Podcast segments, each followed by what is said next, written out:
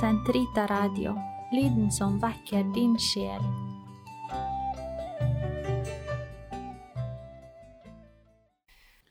Den katolske kirkes katekisme, uke 50, fredag 1646 til 1654.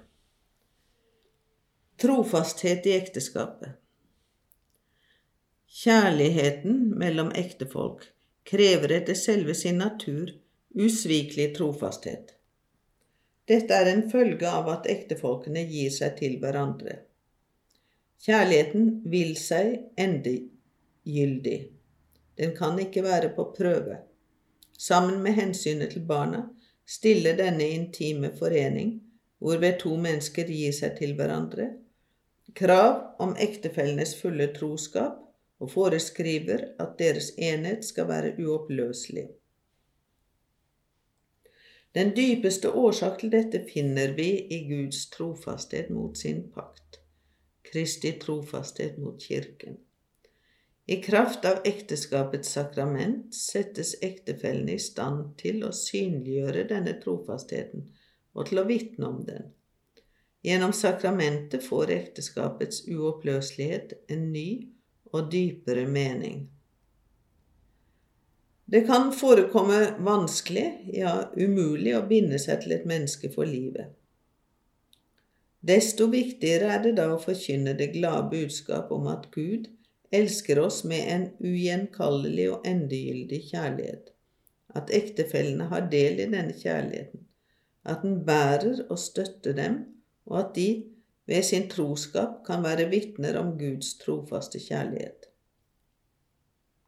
De ektepar som med Guds nådes hjelp avlegger et slikt vitnesbyrd, ofte under temmelig vanskelige forhold, fortjener det kirkelige fellesskaps takknemlighet og støtte. Det forekommer imidlertid situasjoner hvor samlivet mellom ektefellene av ytterst forskjellige grunner praktisk talt blir umulig.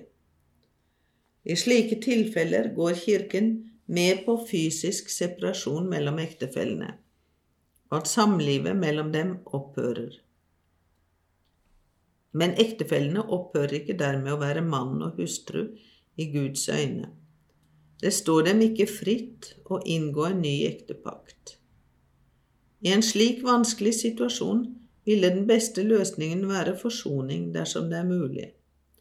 Det kristne fellesskapet er kalt til å hjelpe ektefolk til å gjennomleve en slik situasjon som kristne, i trofasthet mot ekteskapsbåndet, som forblir uoppløselig. Tallrike katolikker søker i dag i mange land sivilrettslig skilsmisse og inngår nytt borgerlig ekteskap. Av trofasthet mot Jesu Kristi ord, en mann som skiller seg fra sin hustru og gifter seg med en annen, begår ekteskapsbrudd overfor den første, og det samme gjelder en kvinne. Skiller hun seg fra sin mann og gifter seg med en annen, er det også ekteskapsbrudd. Markus 10, 11-12 står Kirken fast ved at den ikke kan anse som gyldig en ny ektepakt dersom den første var gyldig inngått. Dersom fraskilte er gift på nytt borgerlig, befinner de seg i en situasjon som objektivt sett er et brudd på Guds lov. Av den grunn kan de ikke gis adgang til den eukaristiske kommunion så lenge situasjonen vedvarer. Av samme årsak er det visse kirkelige verv de ikke kan inneha. Forsoning ved botens sakrament kan bare gis dem som angrer at de har forbrutt seg mot tegnet på pakten og troskapen mot Kristus, og som lover å leve i fullstendig avholdenhet. Kristne som lever i en slik situasjon, og som ofte bevarer troen og ønsker å gi sine barn en kristen oppdragelse, skal vies oppmerksomhet og omsorg fra prestenes og menighetens side, slik at de ikke betrakter seg selv som utstøtt av Kirken. Som døpte både kan og bør de ta del i dens liv.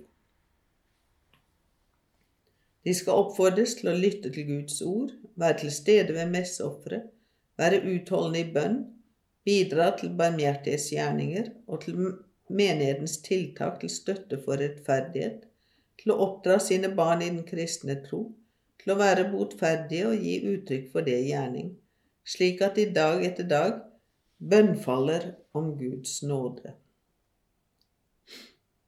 I fruktbarhetens tjeneste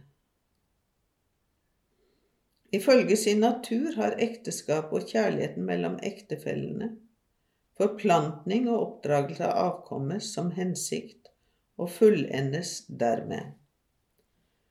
Barn er nemlig ekteskapets fremste gave og er av stor betydning for foreldrene.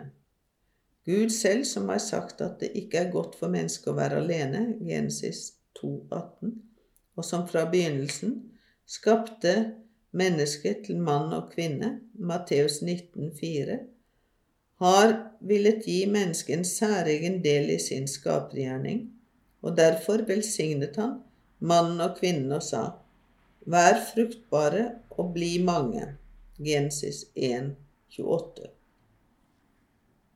Uten å se bort fra ekteskapets andre formål går derfor den rette oppfatning ut på at ektefellenes innbyrdes kjærlighet og hele familielivet skal anspore ektefellene til med godt mot å samarbeide med Skaperens og Frelserens kjærlighet, Han som gjennom foreldre stadig utvider og beriker sin familie.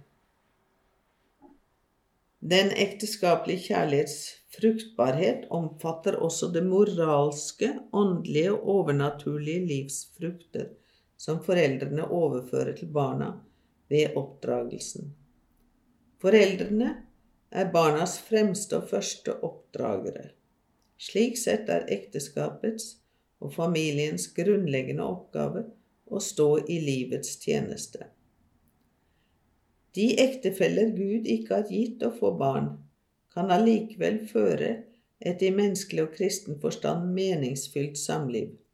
Deres ekteskap kan utstråle fruktbarhet i nestekjærlighet, storsinn og offervilje.